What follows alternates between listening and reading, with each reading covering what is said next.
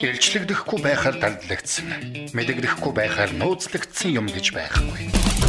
Тиймээс эрдэм мэдлэгийг урдж мэдгэсэд нь өөрсдийн гэрлээ ширээн дор бус ширээн дээр ил гаргаж байна. Brain Light Podcast тарих оюунда гэрэл асаая. Гэр бүлийн радио 104.5-ын Brain Light podcast эхлэхэд бэлэн болсон байна. За өнөөдөр Brain Light podcast нь эдийн засгчдын клубтэй хамтран одоо хүрэхээр болсон.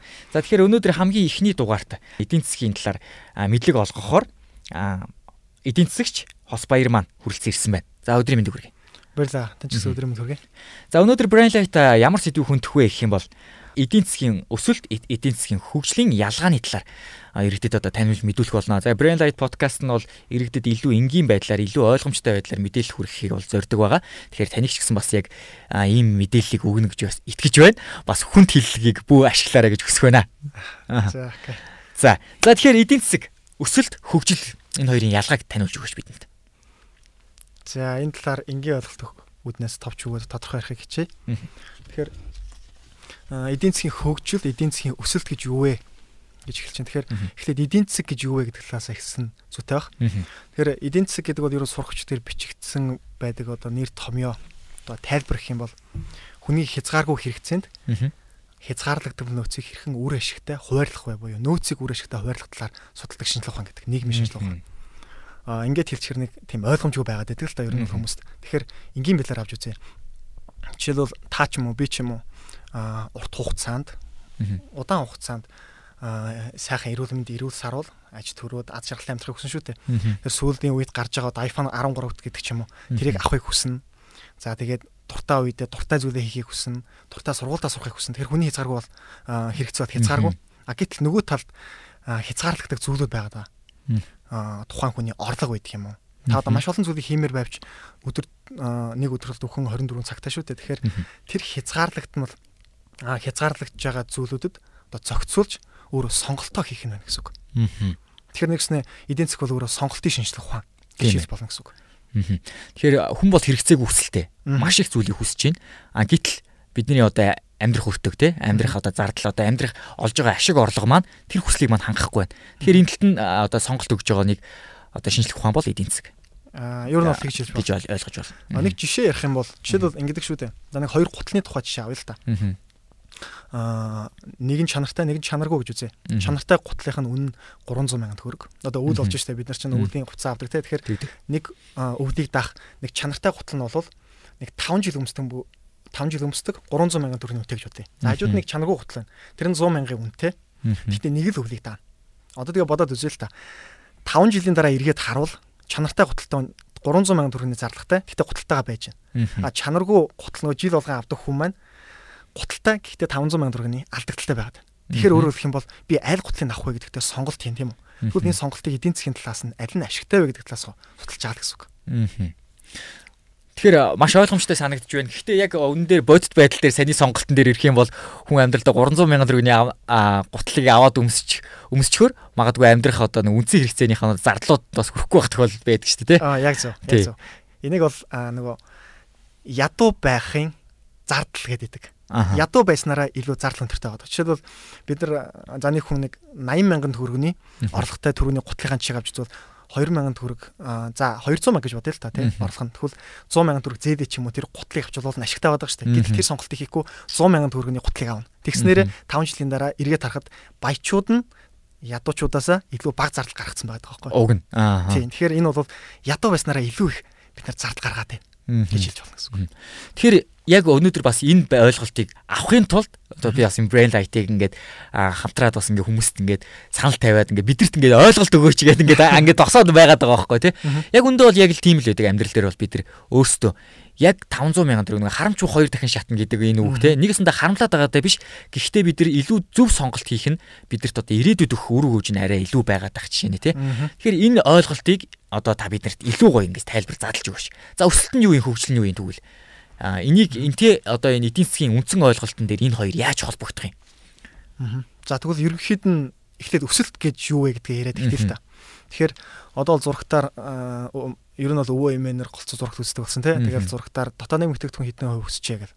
Одоо жишээлбэл эдийн засгийн өсөлт гэдэг маань өөрөө шууд утгаараа дотоодын нэг бүтээгдэхүүний өсөлтийг хэлж байгаа гэсэн үг. Тэгэхээр одоо 2021 оны 3 дугаар улирал дотоодын нэг бүтээгдэхүүн 3.6%-аар өслөө гэдэг бол 2020 оны эхний 3 улирлын дараах байдлаар дотоодын бүтээгдэхүүний нэг дүн байгаа да. Тэр дүн маань дараа жилийнхаа эхний 3 улирлын дараах байдлаас байдал руу шилжихтэй 3.6% өслөө гэдгийг хэлээд. Тэгэхээр дотоодын бүтээгдэхүүний өсөлт нь эдийн засгийн өсөлт гэж хэлээд байна. Тэгэхээр бид нар дотоодын нэгт бүтээгдэхүүнийг яаж тооцдгийг. Аа яг зөв. Наач нь маш хэрэгтэй. Дотоодын бүтээгдэхүүн ингэсэн байна, өссөн байна, буурсан байна. Тэгээ эдийн засаг буурлаа өслөө гэж ярьдаг. Бид ч ямар ч хамаатай юм тий. Улсал хамаатай юм шиг тий. Хамаатай юм шиг тий. Дотоодын бүтээгдэхүүн гэж ярьдаг. Гэхдээ яг юу юм бэ бас мэддэггүй. Тэгэхээр дотоодын нэг бүтээгдэхүүн гэж юу вэ гэдэг талаар яриа. Дотоодын бүтээгдэхүүн гэдэг бол өөртөө нэг дөрвөн шин чанарыг агуулсан байдаг гэж үздэг. Аа тэр нь юу вэ гэхээр тодорхой нэг хугацаанд тухайн улсын газар нутаг дээр үйлдвэрлэгдсэн зах зээлийн өртгөөр хэмжигдсэн эцсийн бараа үйлчлэх эхэлдэг. За эхнээс нь задлаад үзээ л та тий. Тухайн нэг тодорхой нэг хугацаанд гэж байна. Одоо дотоодын бүтээгдэхүүн бол улирлаар юм уу жилээр гардаг. Одоо жишээлбэл 1980 онд одоо үйлдвэрлэгдсэн нэг баригдсан нэг байр 2020 оны дотоодын бүтээгдэхүүнд орохгүй ойлгомжтой. Тэгэхээр тодорхой нэг хугацаа тавих нь ойлгомжтой тий. Хоёрдугаарх нь газар нутаг гэж байна тий. Тухайн улсын газар нутаг дээр тухайн хугацаанд. Жишээлбэл Toyota гэх том компани байдаг тийм үү? Toyota гэх том компани одоо үйлдвэр нь Америкт байгаа даа.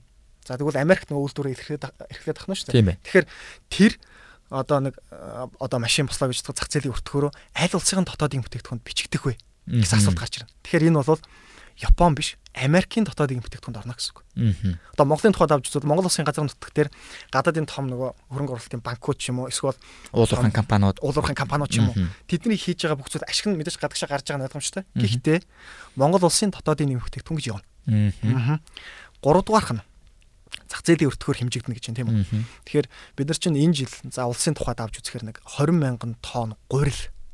За тэгээд нэг 20 мянган ширхэг өмд үйлдвэрлэе гэж бодъё л та. Гэтэл бид нар нэмлээ гэж бодъё. Тэгэхээр гурил дээр өмдний тоо ширхэг нэмэгдэх утгагүй зүйл. Тэгэхээр бүгдийг нэг нэгж рүү буюу төгрөг рүү шилжүүлж яагаад нэмдэг гэсэн үг. А энэ зах зээлийн өртгөөр шилжүүлсэн.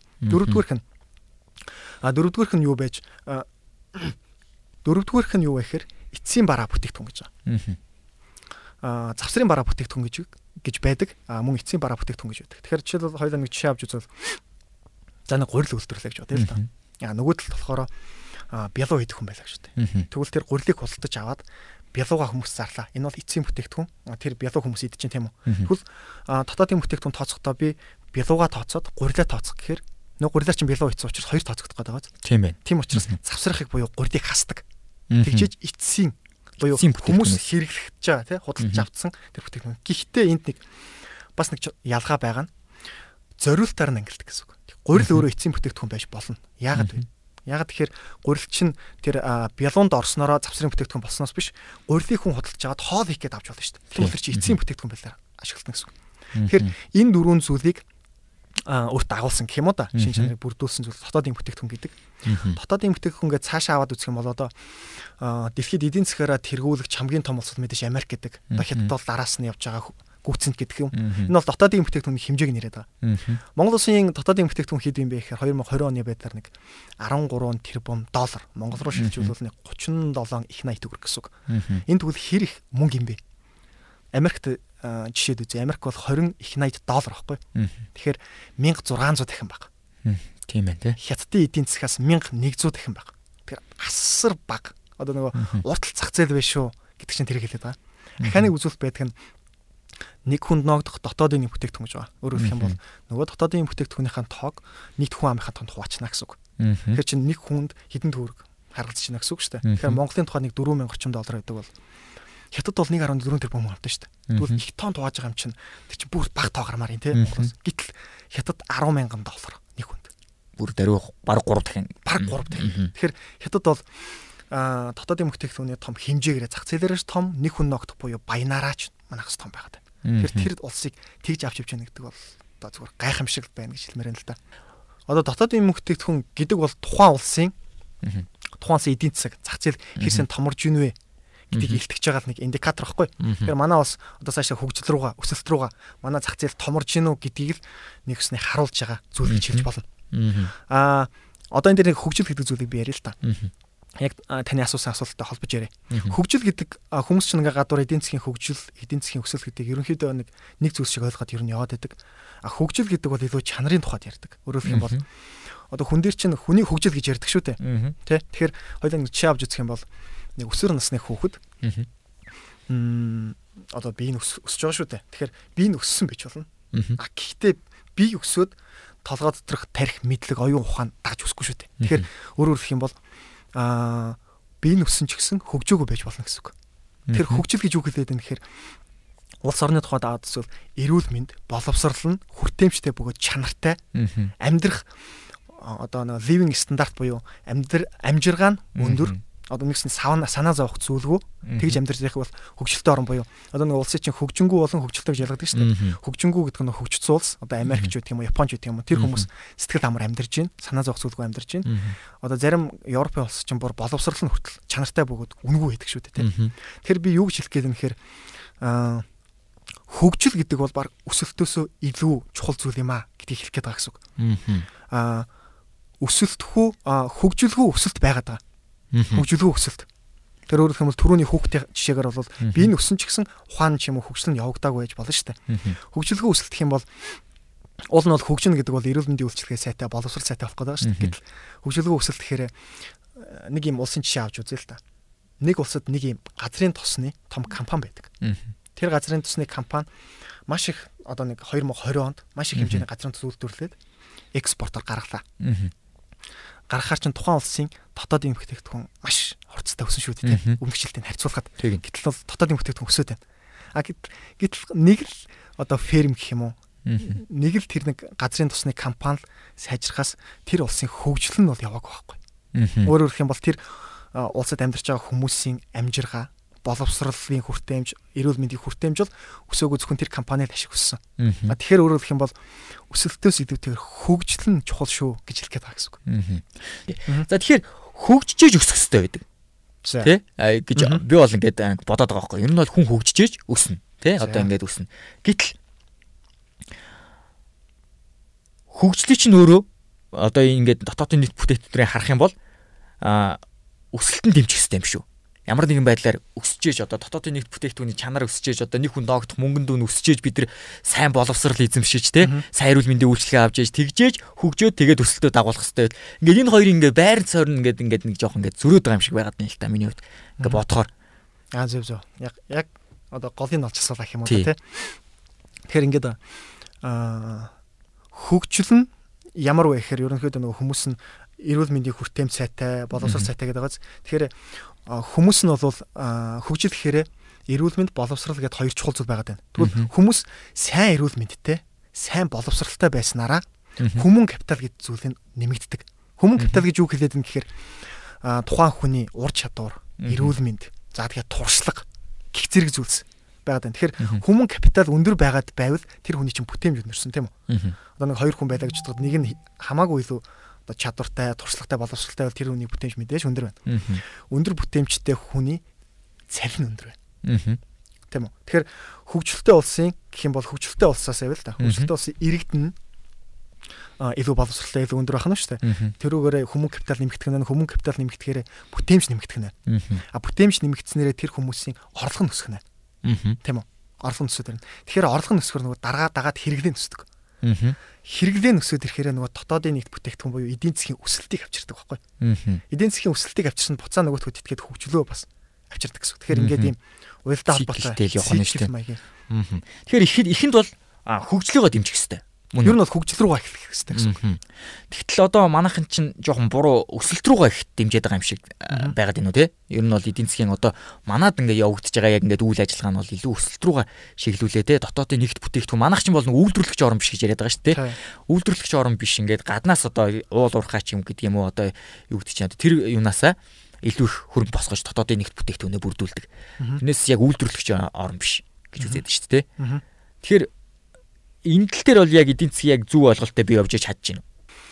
Аа ер нь бол хөгжсөн болог хөгжингүй орнуудын ялгааг зүгээр хараад үзэхээр хөгжсөн орн бол илүү нөгөө боловсролууга эрүүл мэнд рууга хөрөнгө оруулалт маш хийцэн байдаг шүү дээ. Гэтэ энэ нөгөө бүтээмжийг бий болгоод байгаа. А бүтээмжийг бий болгоно гэдэг нь урт хугацаанд одоо эдийн засгийн өсөлтийг авчирна гэсэн үг. бүтээмж нь урт хугацаанд эдийн засгийн өсөлтийг авчирна гэсэн үг. А тэгэхээр таны ярьснаар бол зүгээр хөгжил рүүгээ их яваад байна. Хөгжил рүүгээ явах нь зөв. Өсөлт рүүгээ хитрхийг яваад байгаа юм шүү дээ гэж бодоод шүү дээ. Тэгэхээр өсөлт гэдэг бол тийм бас муу зүйл биш шүү дээ. Өсөлт гэдэг бол эдийн засаг өсөж байна, зах зээл нь сайжирч байна гэдэг бол хүмүүсийн орлого бас нэмэгдэж байна. Тэгээд орлого нэмэгдэнэ гэдэг маань цаашлаа яах вэ гэхээр аа нөө боловсралтай, эрүүл мэндийн хөрөнгө оруулалтаа нэмэх боломж бий болгоно гэхээр ингээд циклэр явна гэсэн үг. Аа хүмүүн капитал гэдэг бол ер нь бол хүмүүс хүний одоо ур чадвар, туршлага, за тэгээд эрүүл чирэг одоо эрүүл мэнд гэдэг ч юм уу тухайн хүний одоо үнд зүйлсүүд гэсэн үг шүү дээ, тэ. Тэгэхээр боловсрал эрүүл мэндийн талаар яг түн дээр тулгуурлаад яриа. Тэр боловсрал эрүүл мэнд гэдэг хоёр бол хоорондоо одоо хамааралтай хоёр зүйл байгаад байгаа. Энэ бол одоо одоо хөгжлийн эдийн засгийн гэх юм уу да гол хоёр зүйл хүчин зүйл гэж болно. Өөртөө ч гэсэн одоо зорилт байгаад байдаг. Аа юу вэ гэхээр боловсрал сайтай байснараа эрүүл мэндээ сайн авч явж чаддаг. Эрүүл мэнд сайн байснараа боловсрал сайн авч явж чаддаг. За тэгэхээр энийг илүү дэлгэрэнгүй тайлбарлая те. Тэгэхээр эрүүл мэнд сайн байснараа илүү боловсрал хүртнэ гэдэг байна. Тэгэхээр эрүүл мэнд сайн байснараа илүү боловсрал хүртнэ гэдэг юу гэж тайлбарлах вэ гэхээр нэг хоёр хүүхдийн жишээ авъя л та. Тэр хоёр хүүхд сурагч. А нэг нь эрүүл мэндэнд жоохон тэгдэг. А нэг нь эрүүл мэндэнд зүгээр. Тэгэхээр сургуультаа явах эрхцийг хараад үзэхээр нөгөө хүүхд чинь эрүүл мэндэнд жоохон одоо нэг асуудалтай хүүхд маань өөрөө хаяада ингээд хичээлээд хичээлд очиж чаддгүй тий. Тэгэхээр илүүтэйгээр боловсралыг нөгөө эрүүл чирэх хүүхд маань илүү хүртээд байна гэсэн үг. Тийм ээ. Тий. А нөгөө талаараа боловсрал өндөр байснаар эрүүл мэндэ эргээд одоо тэтгдэг гэсэн үг. Одоо жишээлбэл бид нар чинь гараа яаж угаах вэ? Бид нар ямар хоол идэж чинь, ямар хоол идэх хэвээр тасал хөдлөн хийх хэвээр бид нар бүгдөө боловсрал шүү дээ, тий? Мэдлэгээр дамжиж ирж байгаа. Тэгэхээр эрүүл мэндэ эрүүл мэндийн сайн байснараа илүү боловсрал хүртэн, боловсрал сайн байснараа илүү эрүүл мэнд сайтай байдаг. Одоо жишээлбэл Монгол дээр нэг сайн их ажиглагдаад байдаг зүйл бол нэг хорт тавдар гэдэг нэг өвчин байгаа даа маш их. Тэгэхээр юу гэж хэлэх гээд байна гэхээр одоо хүмүүс чинь нэг тогтмол уулын эрүүл мэндийн үйлчлэгийг аваа явж ивэл тэр хорт тавдрыг өмнө идгэж болохоор байгаа байхгүй. Гэтэл за за яах вэ? Тогтмол ингээд эрүүл мэндийн үйлчлэгийг авъя гэхэд нөгөө үзүүлж харуулахад тодорхой нэг зардал гарна. Аа гэтэл тэрийг үзүүлж харуулахгүй явсараад яг нэг тулгчлаа гэж үтгэн шат байна. Тухайн хорт тавдрыг авахлахад бүр хэмжээний дөрөв шилээ дөрөвдүгээр үед идэр дээр очсон баг. Тий, хэд дахин илүү зардал гаргана. Дээрээс нь маш илүү эрсдэлтэй. Тэгэхээр өөрөөр хэлэх юм бол хүн тогтмол эрүүл мэндийн үйлчлэг шинжилгээнд хамрагч явах ёстой гэдэг маань өөрөө боловсралтай хамааралтай болоод байгаа байхгүй. Жишээлбэл дээр үеийн бидний өвөө эмээ нар аав ээж нар ч гэдэг ч юм уу нэгдүгээр хүртээмж нь баг байсан баг. Хоёрдугаар тогтмол тэгж би хамрагдах ёстой шүү. За би яах вэ? Миний хүүхдүүд гэдэг ч юм уу те. Тэгэхээр илүү одоо нөгөө мэддэг мэдээлэл дутмаг байна гэсэн үг. Тийм. Хэрвээ тэрийг авчих юм бол тогтмол аваад аваа эрүүл мэндийн үйлчлэг аваад яваад байна гэсэн үг шүү дээ те. Тэгснээрээ ярил зардал багтай. гэдэг ч юм уу.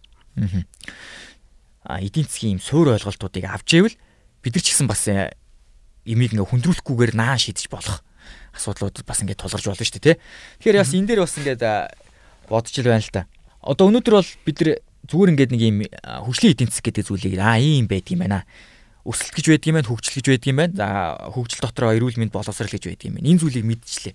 За тэгээд энэ зүйлийг мэдснээрээ иргэд бас яах хэвтэй Тэ? Иргэд энэ л дээр одоо яаж хандах хэвтэй? Ямар одоо өөрсөндөө шаардлагыг тавих хэвтэй? Юуг энийг цааш нь лавш лавшуулж ойлгох хэвтэй гэдэг зүйлийг бас мэдмээр байл та. Аа тэгэхээр юу гэж хэлэх гээд байдаг вэ гэхээр иргэдийг за иргэд хүүхдүүдтэй ч юм уу илүү илүү боловсралтай болох, илүү эрүүл мэндтэй одоо юу гэдэг юм те. Эрүүл мэндээ илүү анхаар, эрүүл мэнд боловсралтай илүү анхаар гэсэн л юм хилээд байна гэж ойлгоод байна те. Тэгэхээр бас нэг юм сонголтууд байгаад байдаг. Хүн болгон тэгэхээр дандаа ихтэй сургалт төгсөх хэрэгтэй мó гэсэн асуултууд гарч ирж байна те. Тэгэхээр яг хүн болгон ихтэй сургалт төгсөх ёстой ёсгүй юу гэдэг дээр нэг юм асуулт гарч ирэхийн өмнө гэхдээ хүн болгон яаж ч гэсэн боловсрол авцсан байх ёстой. Гэхдээ цаашаа ихтэй сургалт төгсөх үгүй юу гэдэг дээр бол а өөрөөсөө боддог юу боддог вэ гэхээр одоо жишээлбэл ихтэй сургалт а сурахаар чинь одоо ном гэдэг ч юм уу те 4 жил явлаа гэхэд чинь одоо тэ юуны зардал одоо хувц сунар гэх юм уу дандаа л даалгуулна гэсэн үг шүү дээ өөрөөсөө гарахгүй оюутан дээрээс нь сургалтын төлбөр гэдэг ч юм уу. Гэхдээ ирээдүйн өгөөж нь тухайн боловсрол авсан хүнд бол өндөр байгаа даа шүү дээ. А нөгөөтэйгөр шууд ажилтсан хүмүүс бас байгаад идэг те. Их сурвал сурахгүй. Тэгэхээр шууд ингээ өгөөж нь бас нэг ийм яг нөгөө боловсрал ихтэй сургалт сурцсан хүүхдийн боловсрал авсны дараах өгөөжөнд хүрэхгүй ч гэсэн сурч байгаа хугацааны өгөөжөөс өндөр өгөөжтэй байгаад байна гэсэн үг шүү дээ ажлынх нь. Тэгэхээр тэр сонголтыг хүмүүс өөрсдөө хийдэг гэсэн үг. Тийм. Ерөнхийдөө бол боловсролын өгөөж бол угаасаа хамаагүй өндөр байдаг нь одоо олон улсад харагддаг. Аа боловсролтоо илүү хөрөнгө оруулснараа бас эрүүл мэндэ хамгаалаад байгааз. Тэгэхээр Америк нэгдсэн улс, Хятад улс ингээд хөгжлийн гол нууцуудын нэг нь бас юу гэхээр боловсролтоо маш их хөрөнгө оруулдаг. Одоо жишээлбэл одоо Хятадын одоо ихтэй сургуулиудын талаар ярих юм бол сүүлийн үед бол Хятадын а ихтэй сургуулиудын одоо чансаа бол дэлхийн ихний 100-д бол ингээд хүч түрээд ороод ирээд байна те. Тэгэхээр яаж яаж тэгж юм гэхээр ур чадвартай сайн сайн багш нарыг цалин өндөр өгөөд сургуультай багшлуулж байна гэдэг ч юм уу. Тэгээд нөө сайн багшаа сайн шав төрнө гэдэг шиг сайн багш нарыг авч байгаа байхгүй. Монгол улсын тухайд хараад үзэхээр одоо бидний аав ээж ярьдаг шүү дээ. Аа дээр үед бол хамгийн мундаг нь одоо конкурс өгөөд хамгийн мундаг нь одоо багш болдог байсан. Тэгээ багш болоод ахтаймч одоо хүрээлэн мөрөөлөнд суухаар хамгийн өндөр цалинг бол тэр хүмүүс баг авдаг байсан гэж ярьдаг. Тэгэхээр тухайн үед бол боловсролын үнэлэмж өндөр байсан байна. Боловсролыг ойлгодог байсан байна.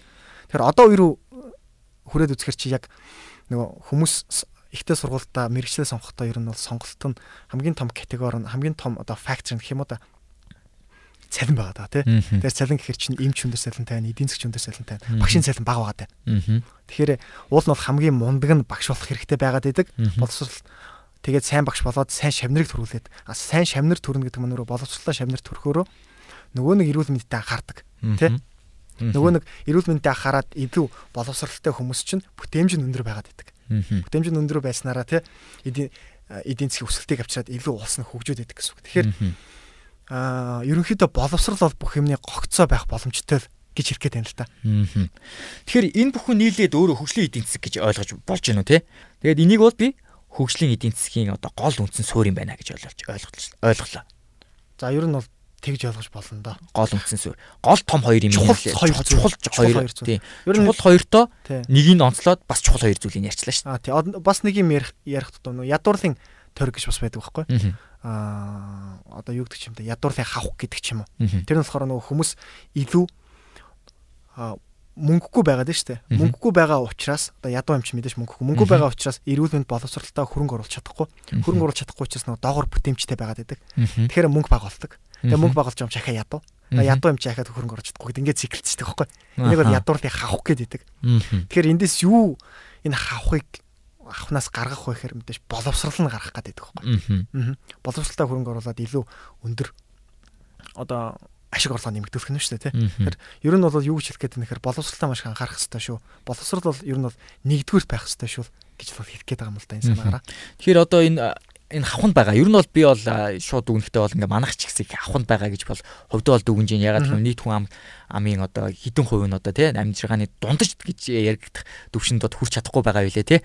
Тэгэхээр энэ хавхнаас гаргахын тулд энэ хөгжлийн эдийн засаг гэдэг одоо энэ том бодлого одоо улс оронд хэрэгжиж ийж энэ бодлогоос гарна энэ авахаас гарна гэсэн үг. Тэгэхээр тэгж ойлгож болох. Тэгэхээр одоо суур зүйлүүдээ бид нар энэ бол маш хурдан хугацаанд өөрчлөгдөх зүйл ш. Тэгэж удаан хугацаанд өөрчлөгддөг зүйл гэж бас үзээд байгаа юм л та. Тэгэхээр удаан хугацаанд одоо боловсролын чанартай бөгөөд хүртээмжтэй байдал, эрүүл мэндийн чанартай бөгөөд хүртээмжтэй байдлыг нэмэгдүүлэх ёстой гэж үзээд байна. Тэгж нэмэгдүүлснээрээ цааш та нөгөө бүтцээр нь өөрчилж чинь гэсэн үг шүү дээ. Бүтцээр нь өөрчилснөөрөө на ядуурлаач авахнаас цааш та гаргана гэсэн үг шүү дээ. Одоо хятад улсын жишээ авч үзэх юм бол одоо маш олон хүмүүс нөгөө ядуурлын төвчнөөс доогор байсан тий. Одоо гэтэл баг ядуурлын эмзэг бүлгийн хүмүүс гэж байхаа болсон гэж зарлаад байгаа шүү дээ. Зарлаадсан. Тэр чинь бол нөгөө гинт 1 2 жилийн хугацаанд биш шүү дээ. 90 оноос ч юм уу тий. Хэдэн оноос байдгийг. Явсараагаад бүтцээ нэгснэ суур одоо бүтцүүдээ өөрчлөөд тэр эрүүл мэнд боловсруулга маш их мөнгө хайж байна мөнгө хийж байгаа нэг тод жишээ түрүүн хэлсэнчлэн ихтэй сургуулаад ихний 100 ранк руу шууд ороод ирж штэ ихтэй ихтэй сургуулаад энэ бол боловсруулалтаа маш их хөрөнгө хийж байгаа шинж. Одоо өөрөөр хэлэх юм бол нөгөө Монгол улс чинь GDP-гийнхаа буюу дотоодын нийт бүтээгдэхүүний хэдэн хувийг боловсрал, технологи, инновац руугаа шилжүүлж байна гэдгээс улсын баг хөгжил шалтгааллах боломжтой байхгүй. Монгол бол 0 хэдэн хувь байдаг вэ? Яг нарийнсан санахгүй маш бага хувь. За Brainlight подкаст нь өнөөдөр эдийн засгчдын клубийн үүсгэн байгуулагч эдийн засгч Хос баярыг одоо өрн оролцууллаа. Тэгээ хооштой Brainlight-ны эдийн засгчдын клубийн бас гишүүдээс оролцуулаад оролцуулаад эдийн засгийн талаар тулгуур ойлголтуудыг аавна гэж бол итгэж байгаа. За тэгээд маш их хэрэгтэй мэдээллүүдийг өгнө гэж бодож байна. Тэгээд өнөөдөр бас их жишээтэйгээр тайлбарлаа. Маш их баярлалаа хүрэлцэн ирсэнд. За танд бас маш их баярлалаа. За тэгээд сонсогч танд бас мэдээлэл болсон баг гэж бодож байна. Тэгээд та өдрийг аятухтаа өнгөрүүлээрэ. Баяртай. Гэрэл байвал гаргаад тавь. Таны гэрэл бусдад тусаг. Brain Bite podcast танд хүрэлээ.